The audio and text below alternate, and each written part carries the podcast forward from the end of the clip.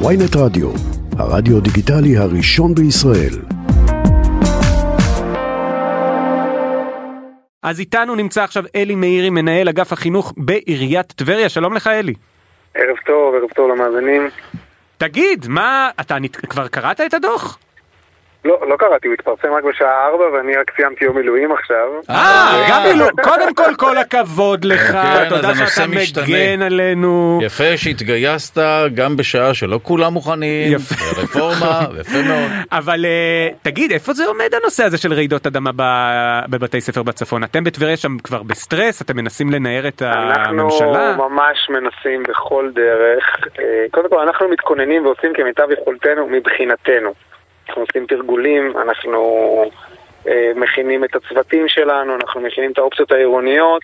וכן, יש אה, אבל- תרגול רעידות אדמה בבתי ספר בטבריה? כמובן, כמובן, נעשה תרגול לפני כשלושה שבועות לכל בתי הספר בהשגחה שלנו, בתי ספר וגנים, צריך לזכור שיש פה גם גנים באירוע הזה, ועכשיו גם פעוטונים ומעונות שנכנסו למערכת החינוך.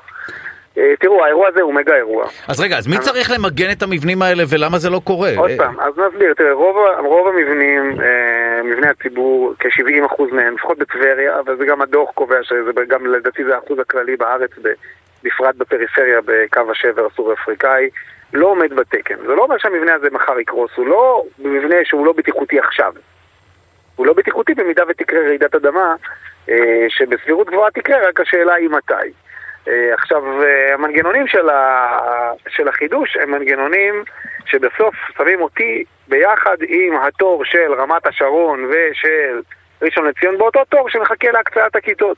שזה משהו שלא ייתכן. כלומר, אנחנו הוא לא עשינו- ייתכן כי הסיכון שלכם גבוה יותר, כי אתם על נכון, השבר? הוא לא ייתכן כי המדינה צריכה להקצות לזה מסלול נפרד לבינוי.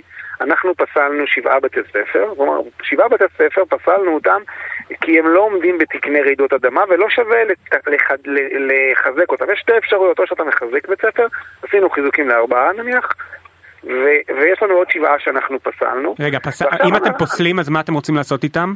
אנחנו רוצים לבנות מחדש. פשוט לבנות מחדש את הבית ספר. כן, ולזה אתם צריכים. כסף מהמדינה. אני צריך בשביל זה להיות, ב... לא יכול לחכות בתור עם הגידול הדמוגרפי של ראשון לציון, רמת השרון, חיפה וירושלים. אני לא יכול. אני צריך שהמדינה תגיד, טבריה, צפת, חצור, כל מי שבקו השבר הסורי-אפריקאי, זה עניין בטיחותי. יש לו תור נפרד, יש לו כסף נפרד, והקצאה היא מיידית. רגע, אתה אין אומר שאתה. בכלל, אתה בתור לבניית בתי ספר עם, לא עם שיקולי רעידת אדמה, אלא שיקולים של פתיחה בגלל. גידול כן. דמוגרפי. יש. במשרד החינוך דבר מושג שנקרא ועדת הקצוות. יש היום חסרות 7,000 כיתות. מדברים. על זה שבמקרה הטוב. יוקצו 2,000 כיתות השנה. אם יוקצו 2,000 כיתות זה בשורה ענקית. עד עכשיו הוקצו אה, אה, 1,000 כיתות כל שנה, כשהמחסור הוא 7,000. אז אני עומד בתור ומחכה.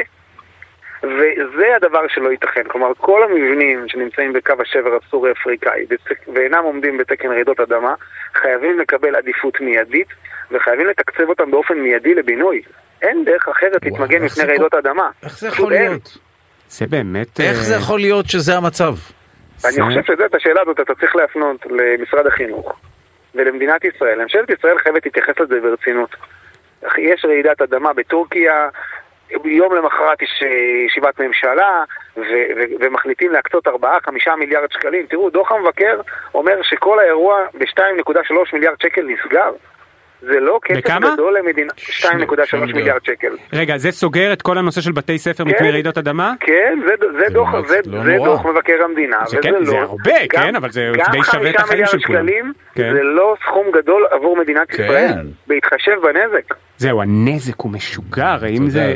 חס וחלילה. אנחנו הרי כל הזמן מדברים על אם. קסאם יפגע, בצדק אנחנו מדברים על זה נכון. כמובן. והנה, זה עשרות אלפי לא- קסאמים, לא. באלפי כיתות. עוד פעם, זה תרחיש קיצון, וראינו עכשיו בטורקיה מה גורם תרחיש קיצון כזה, ואין מה לחכות לרעידה, היא תגיע, זה רק שאלה של מתי. יואו, יואו, כל פעם השיחות. וזה משהו ש- שחייבים להידרש אליו, וזה לא סכום גדול. צריך להגיד, בשורה התחתונה לא מדובר בסכום גדול, ואני לא מבין למה המדינה לא מחליטה שהיא עושה את זה עכשיו. עכשיו זה לא, זה, זה מוסדות חינוך, מוסדות ציבור. אותו דבר יש שכונות שלמות שנבנו על קווי העתק. היום כבר לא בונים על קווי העתק. קו העתק זה הקו הפעיל, קו שבו הלוחות זזים. בעבר אה, מוסדות התכנון לא שמו על זה דגש, ולכן נבנו על זה שכונות שלמות. אז גם בטבריה יש שכונות שלמות שבנויות על קווי העתק. יואו. ולכן. אה, לכן המדינה חייבת רגע אחת לתת פתרון, לדעתי, קודם למוסדות הציבור, כי מבחינת הבתים הפרטיים זה סוגיה משפטית יותר מורכבת, בסוף זה רכוש פרטי. כן. אבל אה, ל- ל- גם, אה, גם ביחס ל, ל, ל, לכל הסוגיה הכללית ש, שנקראת מוכנות לרעידות אדמה.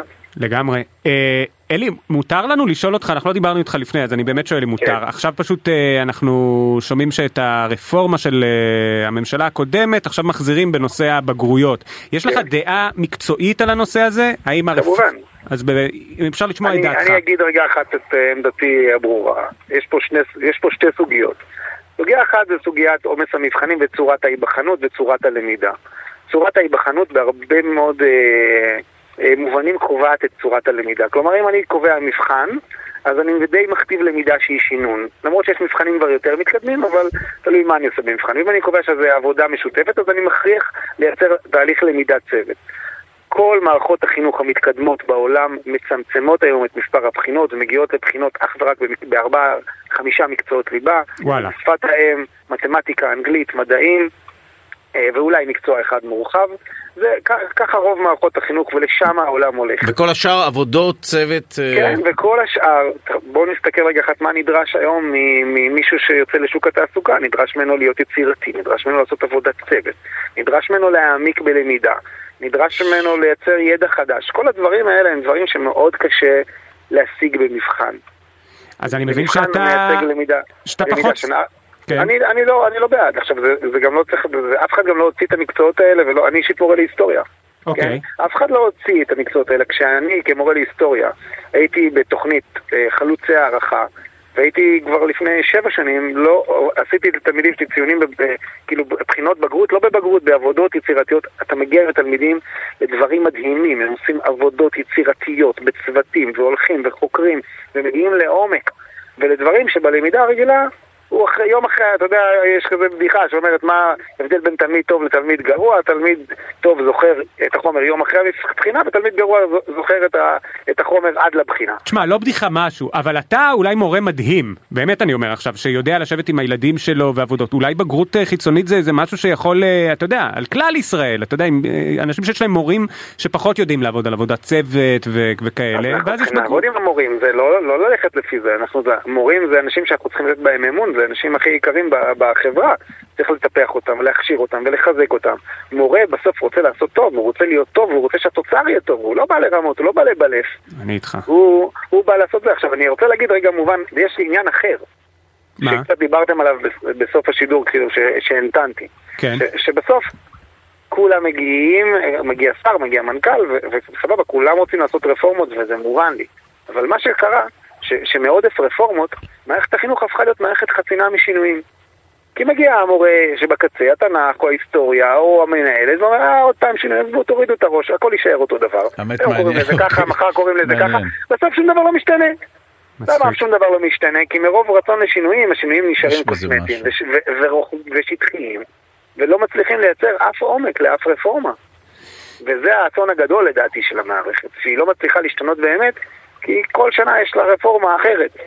טוב. אה, אה, טוב, אנחנו- כשאנחנו מדברים על חינוך אנחנו מדברים על העתיד כמובן, שאלה אם יש עתיד, יש נכון. טעם בכלל בכל הדבר הזה? לא, לא, יש, יש, אני מקווה. עתיד ברור בוודאי. שזה, מה ודאי זאת אומרת? לא, הוא סתם, הוא סתם הגזים. ברור, ברור. הבן אדם הרגע היה במילואים, אה, שמר עלינו. לא, אני אפרגן אל לו, כל הכבוד. סתם. אלי, המון תודה, עשית לנו המון שכל תודה. בהמון נושאים. תודה לך, אלי מאירי, מנהל אגף חינוך. ונקווה שהמדינה והממשלה באמת תפעל לפחות בתחום רעידות האדמה, שזה תחום שהוא בנפשנו ממש. מאה אחוז. אלי מאירי, באמת תודה לך, מנהל אגף חינוך בעיריית טבריה. ביי ביי.